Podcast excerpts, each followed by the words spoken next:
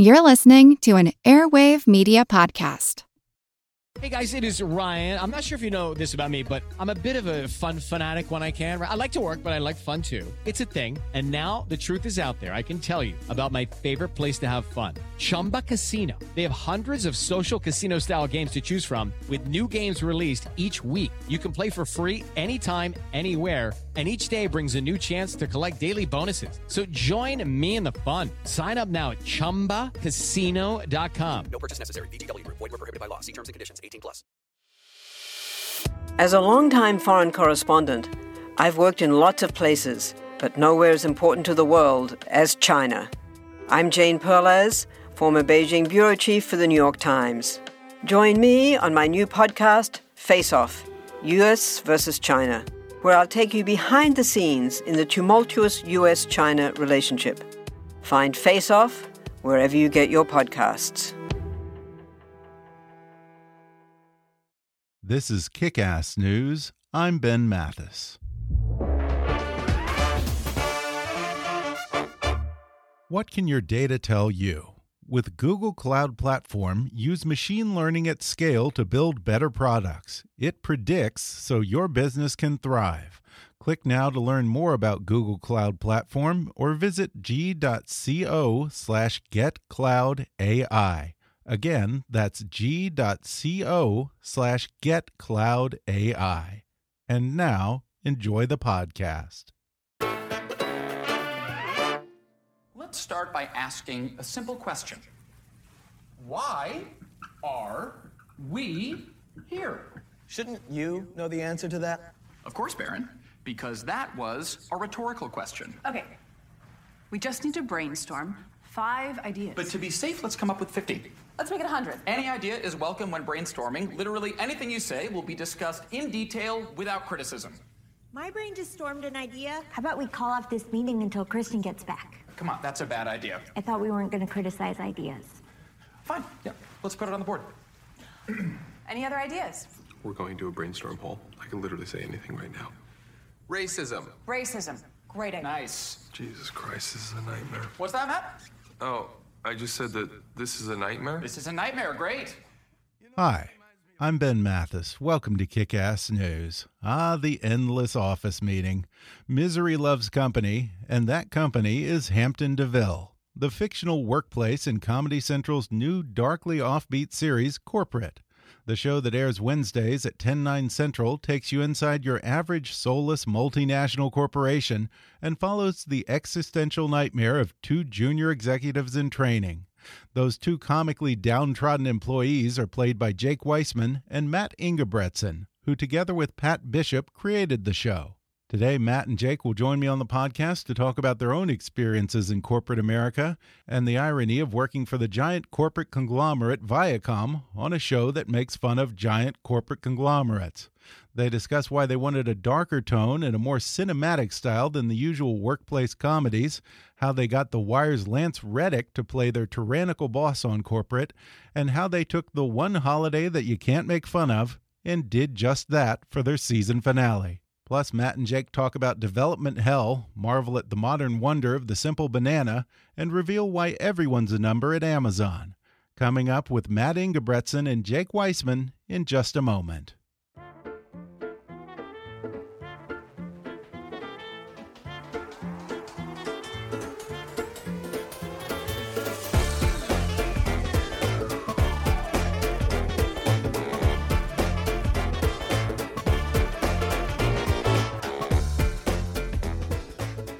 Today I'm talking with Matt Ingebretson. That was pretty much it. Matt Ingebretson. okay. You got it, yeah. Matt Ingebretson and Jake Weisman, the stars and co creators of your new favorite existential workplace comedy. The show's called Corporate, and it airs on Wednesdays at 10 p.m. on Comedy Central. Guys, thanks for coming on the podcast. Thanks for having us. Happy to be here in this funeral home. yeah, yeah I, folks, I, I, don't even think the listeners know that, but I record in my studio is in an old funeral home built in the 20s. So yeah, now the secret's out uh, if anyone wants to stalk me. Um, I enjoyed the show. I really liked what I've seen. I think I've seen probably the first three or four episodes. I'm a little behind, but congratulations to you guys and kudos to Comedy Central for making this show because this is a little bit out of the box for them. I feel like it's probably more something quirky like I would see on IFC or something like that. sure. that. Thank you. Yeah, I think that was part of the pitch for it is we told them we didn't want to do anything like they had done before. Yeah. and that we wanted to be a little more ambitious uh, on the network and make something a little more cinematic and uh, wild than they had made before. And also, just I think a lot of their comedy shows are like silly, and we're like, no, what's funny is darkness. What's funny is sadness. We're here to tell you. Yeah, I mean, corporate is debuting just as another Comedy Central show, Workaholics, is ending. People are bound to draw comparisons, but I think that that really misses the mark because it's a totally different tone that you're striking here. Were Mhm. you concerned that people were going to come to corporate with certain expectations? I think yes. Uh, I do think thankfully we were worried that everyone would just yell at us that we weren't workaholics or that we were trying to rip them off. But I think very quickly those that fell away and people realized that we were doing something quite different. Yeah, I like to think that someone's tuning into what they think is another episode of Workaholics, and they just get really scared like five minutes in, being like, "Wow, they're really different now." It's almost like the Workaholics. Um, that's like for when you're in your 20s, I would Mm-hmm. Mhm. say, and then our show is like you get into your 30s and you start to have back pain, and you're like, "Oh no, life is like this."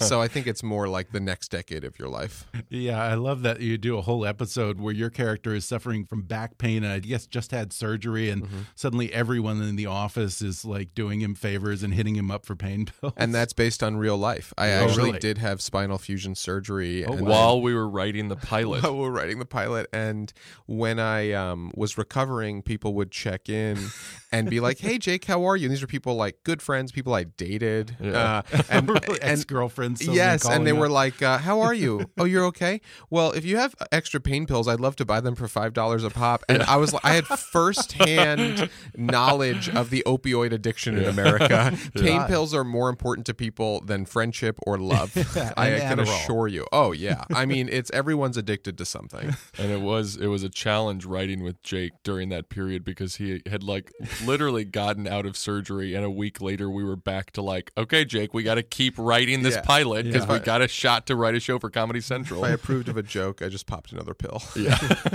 Did you just have to write in, in a recliner? Yeah, he was on the couch. I was on my back. I was on my back, and they were at the kitchen table, and I would just scream out Yeah, some me- ideas. Yeah, Pat and I would write from the kitchen table and just ask Jake if he was all right with this joke, and he'd be like, "Ah, I don't know. Did you feel like shrinks? yeah, Yeah, It- they, they're both. It they was a traumatic time. Yeah. Well, I mean, what happened? Because you're a young guy. I, I don't think of young guys your age having spinal fusion. This is maybe going to be politically incorrect, but Okay. I'm 100% Jewish, and I think we're inbred a little bit. And I think that my bones just curled in on themselves. It's like it's too much Judaism, and we're just known for our pain. I just got really unlucky. And actually, my older sister, I have an older sister who's like 20 or 30 years older, and um, she had similar back surgery around Really? the time I did, but I just got it earlier. I think because I just have a lot of anxiety, and my bones are like, all right, we're gonna we're gonna We're show gonna you what you've been you." doing to us. It, Um, it wasn't some kind of sympathy thing like twins or something? Maybe it was, um, but it was an absolute nightmare. It's just bad luck. I mean, yeah. The other thing is, I didn't realize. You know, what's funny? You don't really notice commercials for pain until you have that pain, and you realize that back pain is prevalent. Like, Oh, yeah. it- it- like ever since I had back surgery, I every commercial is for back pain. Everyone has back pain because we sit Oh, yeah, in these chairs, like like you know, curled over these computers, and we're destroying our bodies. We should be running, we should be stretching, but everyone's in pain. I just got it early, but it fits my personality because I'm always in pain. no, I hear you. I, I have back pain all the time, and I, I'm too lazy to do the standing desk thing. Yeah. My mm-hmm. fiance has a standing desk. She thinks that it's the greatest thing in the world. Yeah. But, but then my feet are going to hurt. So Yeah. it's like. It's well, a that's the funny trade-off. thing you learn is there's no option. There's no way out. It's Yeah. like whatever you do over a long enough period of time, your body is going to collapse on yeah, itself. our bones are Yeah. calcifying. It's a nightmare. Yeah, you may have been onto something. The reclining workspace. I mean, Yeah. that's the only truly Is is in a neutral position. Yeah, open air office space with just beds. You need Yeah. to get rich enough to have someone type for you. That's the goal. Yeah. yeah. well, I want to ask a few questions about what led you guys to this point in this project. Uh, first of all, where are you guys from? I grew up mostly in Texas, uh, about really? an hour south of Houston. Yeah. Oh, really? I'm from Houston myself. Oh, really? So My par- Southwest Houston. oh yeah, my parents live in Northwest Houston. Oh, like okay. in Jersey Village, kind of. Oh, okay. Yeah, okay, yeah. cool. At what point did you come out here to LA? I I went to college in Austin at UT Austin Mm. and uh, started doing stand up and running the humor magazine there my senior year, and uh, then I moved out here right after that and just started doing open mics constantly, and writing and making videos, and that's when I met this guy too. Was in like case or like Silver Lake bar in uh on a Friday night, just the most desolate.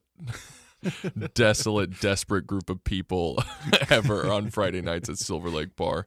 Um, yeah, and I um, grew up in New York. I was born in the city, mostly lived in the suburbs outside, and I went to school in Nashville. And then I just wanted to work in the film industry, so I just drove Okay. out here after college and somehow fell into comedy. Where did you go to school in Nashville? Vanderbilt. Oh yeah, my brother went there for Oh, grad really? school. Yeah. um, yeah, it's an Yeah. interesting place. Uh, Nashville's actually a pretty falsely represented city, um, where it's like a pretty like li- like Nashville itself is a pretty progressive. It's like the least Right. southern southern city, and uh, and it's really awesome and very friendly to people of all sorts. Then you get outside of Nashville, it's a little weirder, but Mm-hmm. uh, Tennessee, it was an interesting place. I'm glad that my eyes were opened a little bit. Y- Yeah, it sounds like you guys kind of started out in a similar environment. Austin and Nashville seem to have a very similar vibe, I think, in, in Right. the creative Yes. impulse. And it all has a lot of like conservative opinions, but there's a liberal heart to the city, which Mhm. is kind of what I like to react against. Yeah. Yeah. So you guys met at a comedy club or a bar in Silver Lake. What was that first encounter like? What did you guys It's well, you know, you, when you start other? doing, we both do stand up comedy, and so stand up comedy is a pretty brutal uh, place, especially to start, Mm-hmm. because you go to these really sad open mics. I mean, they're all really sad, and people are It's not funny. insane. People can, sh- you know, y- even if you're extremely talented, you, you're in line with people who are truly insane and they all have the right to speak the same amount of time. And so there aren't that many people that you feel spiritually akin to.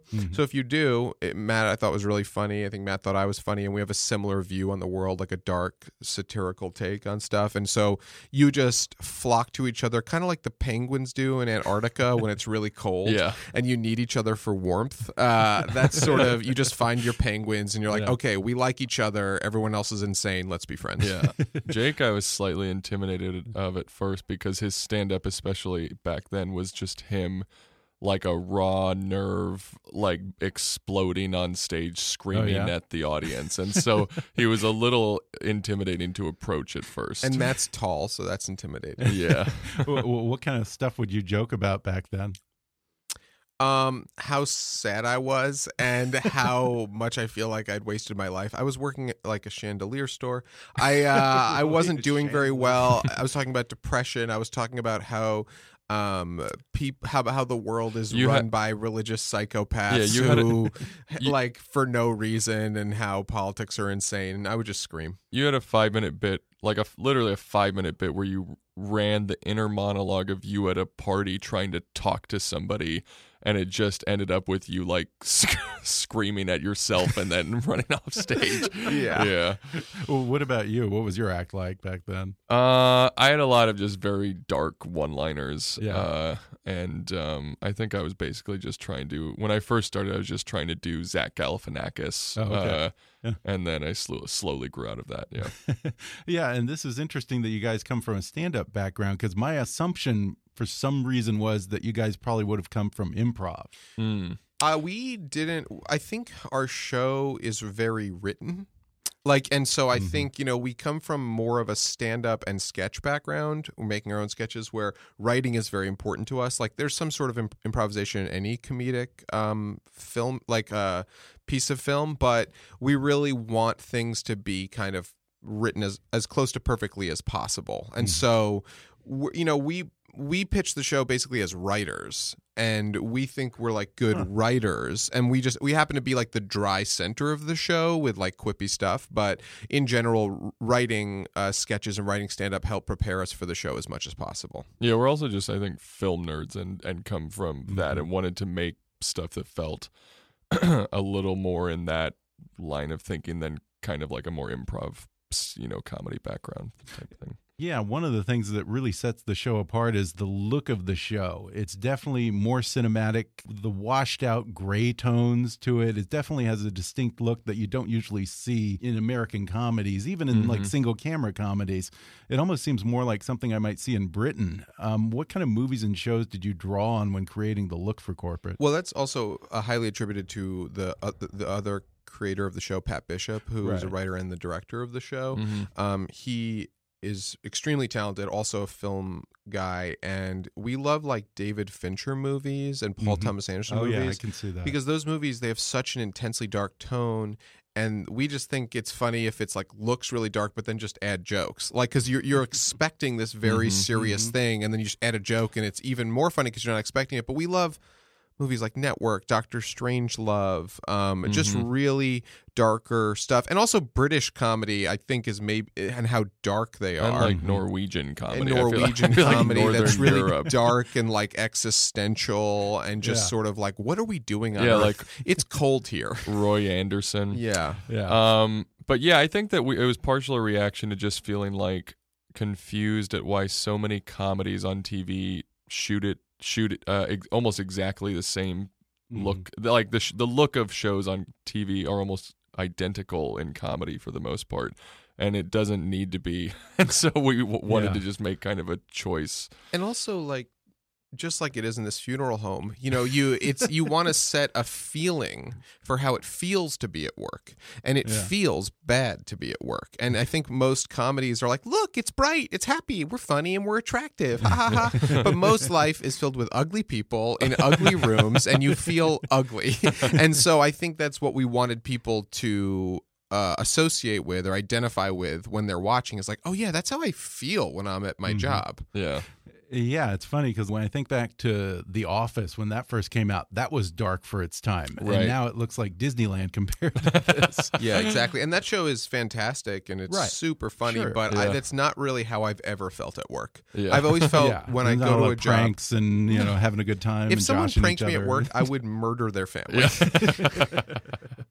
Yeah, Do you guys have some experience working in the kind of soulless corporate environment you portray on the show? Yeah, when I moved out here, I had a a degree in English and a degree in marketing, and so I got a Mhm. lot of day jobs at first, working in digital marketing and copy editing for like large entertainment corporations.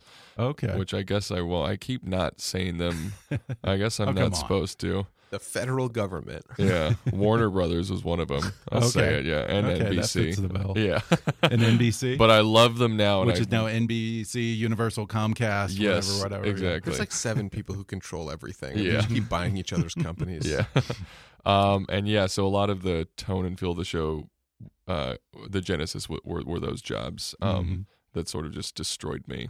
But also, honestly, it's not just corporate jobs, although that is like the hook of the show. But most jobs, Mhm. if you're not your own boss, suck. Yeah. They really suck. It Yeah. sucks having to report to someone and you feel terrible. You're just, it's so hard not to have that existential question What am I doing with my life? Could I be doing something else? I mm-hmm. don't know anyone who doesn't feel that way unless they're doing exactly what they want to do. And even when they're doing exactly what they want to do, they're like, Should I move to the country? You know, mm-hmm. like it's, it's very like, it's very hard to have all the choice in the world. Um, and I know that Right. sounds very privileged, but it's like when you go to a diner with the biggest menu ever and you're like, I don't want this many choices. Yeah.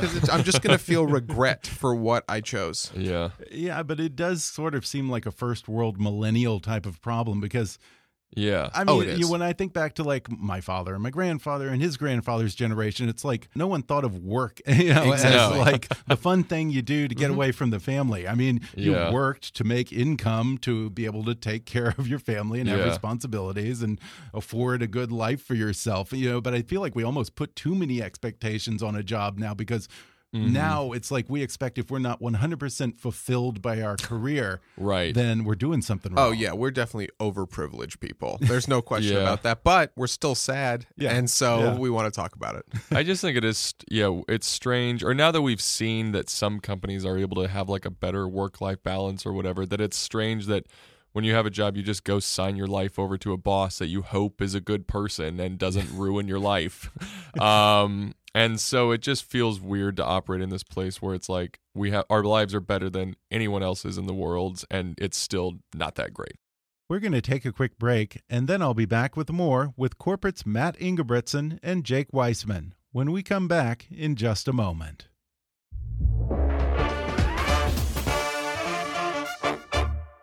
Hulu's newest original series, The Looming Tower, is based on the Pulitzer Prize winning book by Lawrence Wright. This limited series traces the rising threat of Osama bin Laden and the rivalry between the FBI and CIA that may have set a path for the tragedy of 9 11. Starring Emmy winner Jeff Daniels, Golden Globe nominee Peter Sarsgaard, and Tahar Rahim as Ali Soufan. The Looming Tower, available now only on Hulu. Today's episode is also sponsored by Grasshopper. If you're an entrepreneur, a small business owner, or even if you have a side gig, let me introduce you to Grasshopper, the entrepreneur's phone system. Grasshopper lets you run your business from your cell phone while keeping your business and personal lives separate. Choose from their huge inventory of local, toll free, and vanity toll free numbers. Simply forward your new number to your mobile phone and start taking calls immediately. Whether you're in an office, in your car, or out shopping, Grasshopper's iPhone and Android apps help you stay connected to your customers. Not to mention, you can send and receive calls and texts from your business phone number, set up multiple extensions for everyone on your team, get your voicemails transcribed and emailed to you, work from anywhere with call forwarding to make and receive calls from your computer via the desktop app, and even utilize Wi Fi calling. Better yet, Grasshopper offers easy and instant setup and 24 7 customer support, all without any long term contracts. Grasshopper, sign up today. Go to grasshopper.com slash kick to get $20 off your first month. That's grasshopper.com slash kick. And now, back to the show. Writing the show, did you feel the need to sort of fill in the blanks of your own experience by doing a little bit of research into corporate culture at big companies or talking mm -hmm. maybe to people who work at, say, Halliburton or Google or any of these we did. Yeah. Uh, we ended up interviewing uh, people who worked at AT&T, Google, Amazon, and uh, a couple other, okay. like a solar energy company. Okay. All mom and pop operations. Yeah, that's right. Okay. Um, and to just like kind of make sure that the writing was grounded and coming from a real place and uh, all of them essentially had the same experience which Really? is like or not the exact same but just sort of like The same basic complaints. and- exactly yeah which is like everyone here has sort of been brainwashed into complacency and we now Mm-hmm. just try to not ruffle feathers and like get the job done so we can get paid and go home um but yeah What was But the, the most benefits are good. surprising thing that they said to you? Um, you know what was the most surprising thing was how much we had postulated about it was true. Mm. So Oh, really? like when when we because we we basically uh, had an idea of what it worked like. We'd read articles and had our own jobs and had our own experiences. So we kind of just thought.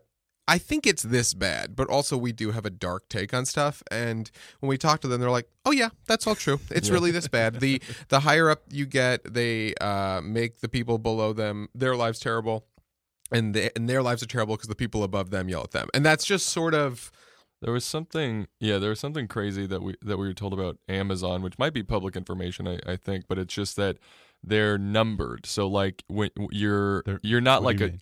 You're not like a junior manager or senior executive. Uh-huh. You're a nine or an eleven, and it's like And if I- you're an eight, you can't talk to it. You can't email a twelve. What? But if you're Yes. an eleven, You're you can email a twelve. And no, and then they skip twelve. Actually, I think it's like there's eleven no to twelve, thirteen. and Jeff Bezos is thirteen. Yeah, and also the and also like if they they want you to do something, they go, "This is really important to Jeff." Yeah. So they like that's how they get you to like Yeah. change the filter on the coffee. right.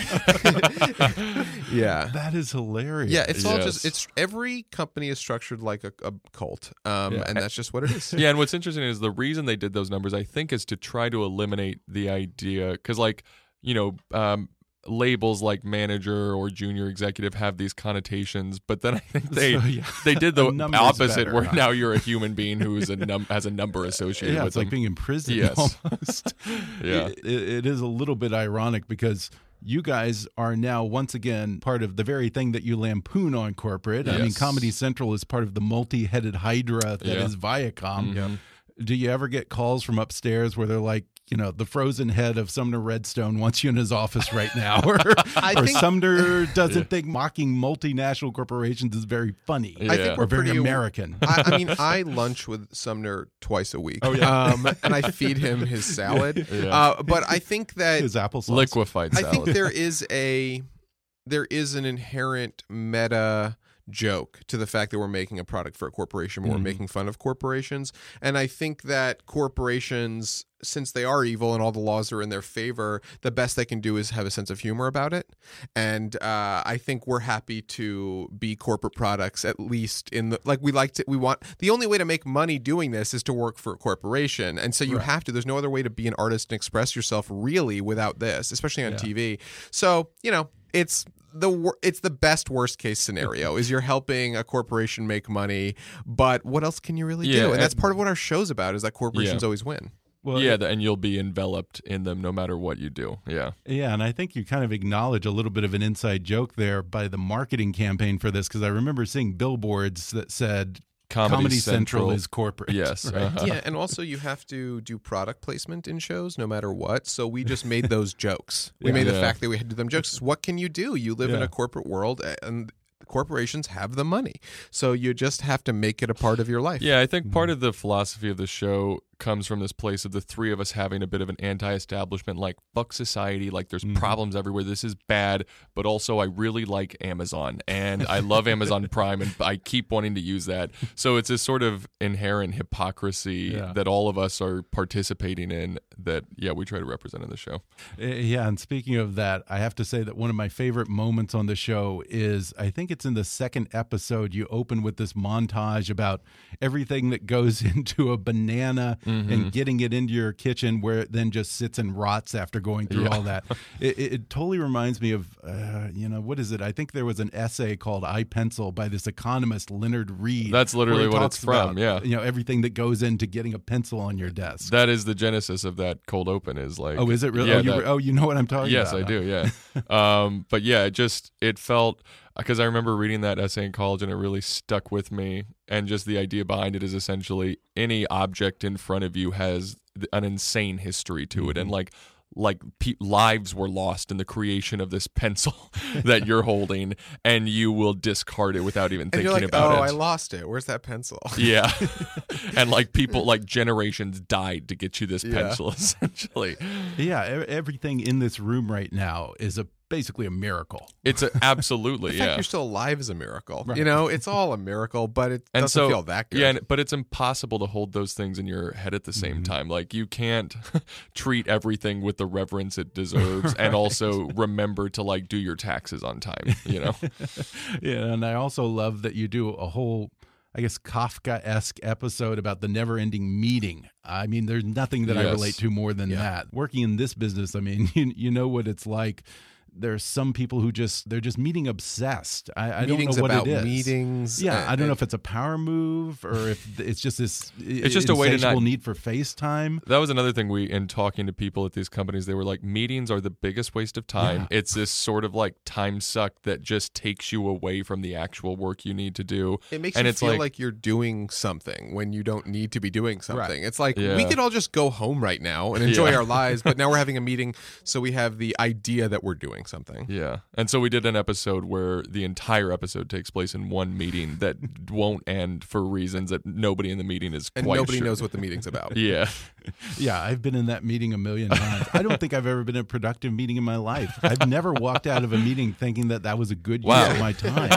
yeah. I mean, we have email and phone. Why on earth would anyone ever need to like, and especially in LA where you gotta drive across town and fight over who's coming to who? Oh my god. sort of. I think it's like an exercise in ego someone who Yeah. like is narcissistic and just wants to have the pulpit to speak Uh-huh. and like get their ideas across even if they don't know what they're talking It- the about. me and meeting. yeah, that's right. I mean, people think that the entertainment industry is all fun and games, lunch by the pool at the Beverly Hills Hotel, No. and Hollywood parties. But you know, the actual work, the pitch process, and the whole development machine, that too can be very soul draining and cynical in a way that people probably don't even realize. Oh. It's crazy, and it takes it's it takes so long to get anything made. Mm-hmm. Uh, it's been three years since we pitched this show. yeah. and it's just been filled with um, Meetings. meetings, phone calls, uh, just constant un needless, pointless meetings. Uh, along the development process, did anyone at Comedy Central ever ask you to maybe make it a little less dark or tone it down? Yeah. Yeah. I mean, there were the, the way they phrase it. They're so good at using political words. There are concerns about the tone. That's how they say it. But also the thing that really. But in general, I have to say they've been really good to us. And Um, thankfully, if you present reasons for why you want to make it Uh-huh. a certain way, they will listen to you. And also, it's so fragmented in the cable world that you kind of have to have your own niche. And so you ha- if you have your own thing, then it's like, okay, well, we we're doing this thing, and if you can find the people who want that thing, and there are enough Mm-hmm. people to sustain it, then they can keep it. I, I think, uh, you know, if something concerns you, that maybe is good. And if, if it is a little controversial or a little too much, that's maybe what people want, and maybe that's what's been missing, and that's why there's a concern because they've never seen it before. Mm-hmm. Yeah. Um, and they've been really good to us Yeah. uh, in general. Mm-hmm. Did, did they ever pull the Bezos card and be like, Sumner has concerns. Sumner Um, really wants you to tone Sumner, it down. Sumner's a huge fan of the show, and when I when I'm feeding him his liquefied salad, he won't shut up about it. Yeah. So I'm like, Sumner, there's other parts to our lives. Okay, Yeah. we don't just have to talk about corporate. Um, he wants a cameo real badly. I won't give it to him because I don't like to give him what he wants. I mean, in my mind's eye, I'm picturing him in one of those like old timey like iron lungs from Oh, like yeah. the 1930s or something at this Yes. point. Because what is he, 94, 95? He's 305 years old. Yeah. Comedy He's a Central's going to be really pissed if I make this entire interview about Sumner Redstone. Honestly, good. Yeah. don't care. At least that means they're listening. Yeah. Yeah, that's true. Uh, how did you get Lance Reddick from The Wire for this? He, he plays the evil boss, right? Yeah. Well, we we liked. We asked him. Yeah, honestly, he, he was just our enough. first choice. We first just step. thought of, you know, he did this sketch for Funny or Die called Toys Are Me, and Oh, he, yeah. he's really funny in it. And like, what one thing we try to do is we try to take dramatic actors and play it as a drama, but with jokes. So we Mhm. have they're saying crazy things, but they're saying it in the most intense way possible. And he's one of the most intense actors, I think, of his generation. he's incredible. He looks amazing. He's so talented. He's been in the, some of the best dramas of all time. And we just thought this would be a miracle if we could get him. And Annie Dudek is similar, where she's been in so many dramas, such a top Yeah. flight actor. And we just wanted to give them insane things to say. And Lance just said yes, which was one of the best moments of our life. I mean, he made the show, I think. When he said yes, we really felt, okay, I think we have a shot to go to series because he's just so good. And also, when he was in college, he did a lot of comedy. Oh, yeah? He acted a lot of comedy. People see him or what? no, like he acted in like Shakespeare comedies. Like Oh, he's a comedic okay. actor, but he got sort of pigeonholed as a dramatic actor because he can be Right. so intense and his eyes have that incredible glare. But he's extremely funny and he has Mm-hmm. like a great comedic timing. And people just people in Hollywood typecast someone and then they never think outside the box really Mm-hmm. and i think you just have to take chances because it's so beautiful to watch someone do something you can't, don't expect them to do and he's just a, a master actor like he's just Mm-hmm. Yeah. so good and really if you're a in comedy you shouldn't just get silly improv comedians you should get people who really know what they're doing as Mm-hmm. actors and give them really funny stuff to say and it's unbeatable Yeah, and we wanted this, this show to have, speaking of like other people we cast, of uh, like a feeling of like a world that you hadn't quite seen before and that felt genuine. Like I think a lot of comedies fall into the the trope of casting people that you've seen a million other times. We wanted to create kind of a unique universe that felt um, immersive and and not like anything you'd seen before. His part, he plays this kind of paranoid, tyrannical alpha male boss who's obsessed with winning. Mm-hmm. To me, watching this, it sounds very familiar. Sounds a lot like someone we know right now. Was that intentional or Um, you know, accidental? It was accidental because when we were writing the show, we didn't know who the president was, Yeah. um, Okay. or who it would be, okay. and so we just felt that not just with the president, the current psycho president, but in general, CEOs, you kind of have to be a psychopath to be a billionaire. The, Mm-hmm. Yeah. the billionaires are very unhealthily me- mentally. They're willing to do things and be more sociopathic than other people, which is why they get to the top. Mm-hmm. So we were just reading about all of the people in power and just trying to um, reflect that. And that's pretty, every president pretty much is a sociopath. So eventually there's going to be natural um, things drawn. Yeah, and it's timely in the sense that, you know, right now the world is going through these struggles about globalism, which in many, many, many ways is a really good thing and is mm-hmm. bringing us all closer and bringing new opportunities. But also, you do have these big multinational corporations that are kind of the flip side of that. Yeah. Well, it is a thing where it's like there's pros and cons to everything. And like one thing that's happened in the last 30, 40 years is we've handed the keys to the world over to corporations that have to be self-sustaining and have to continue to grow and give the keys to their company over to new people all the time. And so it's this new like world order that works but has all of these unintended consequences that we have no control over and we're just sort of swimming in the sea of of of their wake uh hoping that they don't destroy us all which it seems like they might. Hmm And, and the show is definitely a reflection of the mood right now because it kind of strikes this balance between the more serious and the more absurd with everything going on and things being so dire like the Russian investigation but also so completely ridiculous and over the top with Trump. Which way do you think the culture is leaning right now? More serious or more absurd? I think it's good. I think it's split. I think it's too serious. Um, I mean, and it should be to some degree, but it's so serious that it's absurd.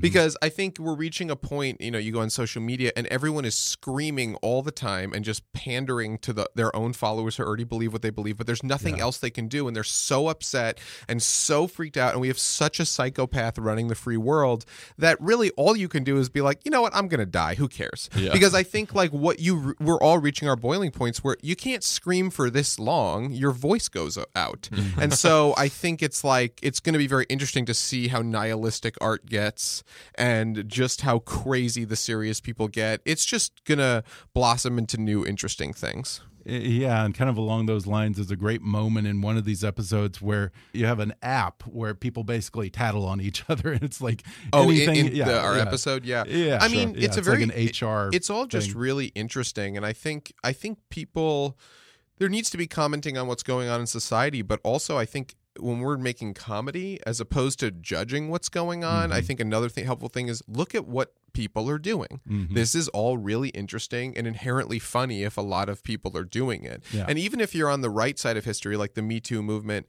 it's a group think thing, which is always fascinating to explore. Mm-hmm. And so I think it's all just, I think you just need to sit back and watch it all and not take it too seriously and just like try to Uh-huh. enjoy your life uh, with all these waves Yeah. of people screaming at each other into a void. Uh, I haven't seen it yet, but I've heard that the season finale coming up uh, is pretty interesting. Can you tease it a little? It sounds like you know It's you kind of throw caution to the wind on that last episode. like you know, we proved ourselves on the first 9 Mhm. Let's Yeah. let loose and be a little daring. Well, here. the core of it is uh, it's about the commercialization of holidays, essentially, or sort Mm-hmm. of like the example being Valentine's Day, which is now a national holiday that was invented by you know Car Hall- Hallmark or whatever the story is.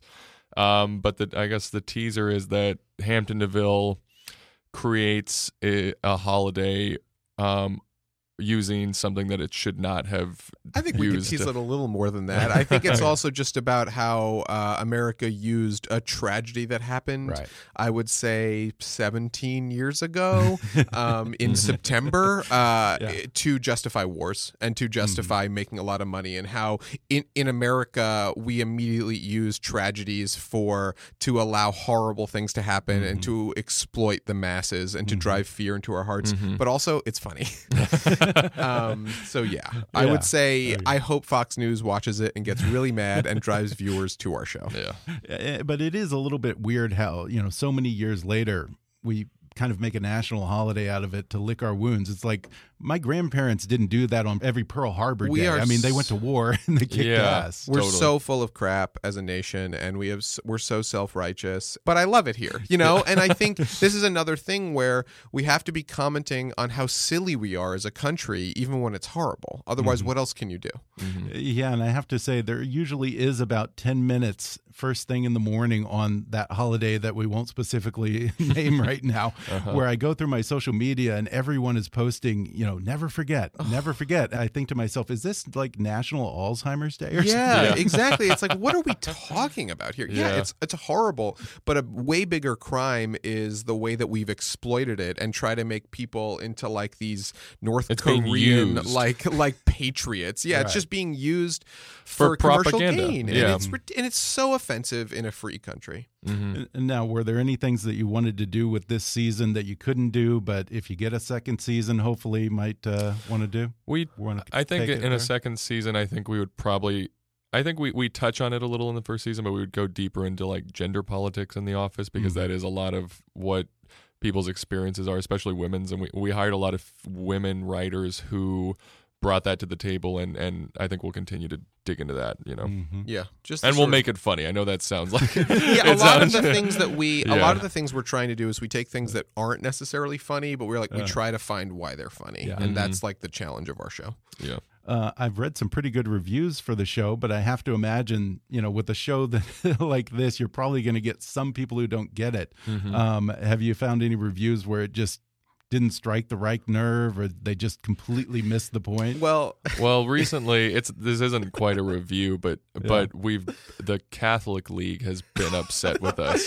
yeah, they No. really don't like. Does that still me. exist? Oh I thought yeah, that was from the 1930s I or something. There's also newsbusters.org, which is like a an alt like an alt right or a Yeah. far right wing. The Yeah, the far right wing doesn't like us because we Yeah. talk about how there's no God and like stuff like that. Yeah. And they're always writing articles about how offensive we are, but then they reprint our entire script in the articles. So I think they do like the show. They're the show. promoting the show. Yeah, but it's I think that's but that's kind of who we Yeah. Mm-hmm. want to anger, and I do think that a certain controversy around your show is very helpful, a la South Park. Yeah, Um, but so the, I Ca- love. the Catholic League, I think the site is being sustained by attacking us. They multiple articles have come out in the last couple weeks, and they tweet about it constantly. So Yeah. You're they- welcome, Catholic League, for giving you fun. funny. Dude, if you gotta go Google it later, you will cry laugh Yeah. at how funny the articles are. Yeah. They're just quoting really filthy tweets that I'm saying, and uh, it's the best. Yeah. That's funny. I didn't even think that existed. I think of the Catholic League as like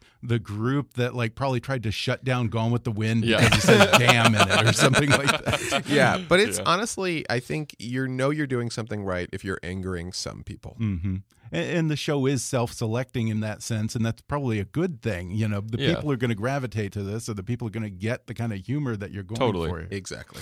Well, it's a terrific show. Again, it's called Corporate, and it airs on Wednesdays at 10 p.m. on Comedy Central. Matt Ingebretson and Jake Weisman, thanks for talking with me. Thank For you. having us. Thanks again to Matt and Jake for coming on the podcast. Corporate airs Wednesdays at 10, 9 central on Comedy Central. For more information, go to cc.com slash shows slash corporate. And follow Matt and Jake on Twitter at, at Matt Ingebretson and at Weisman Jake. Hulu just released a new original, The Looming Tower, based on the Pulitzer Prize winning book by Lawrence Wright. This limited series traces the rising threat of Osama bin Laden and how the rivalry between the FBI and CIA may have set a path for the tragedy of 9 11. The Looming Tower is available now only on Hulu. If you haven't already, be sure to subscribe to Kickass News on iTunes and leave us a review. You can follow us on Facebook or on Twitter at, at KickassNewsPod. And as always, I welcome your comments, questions, and ideas at comments at kickassnews.com. I'm Ben Mathis, and thanks for listening to Kickass News.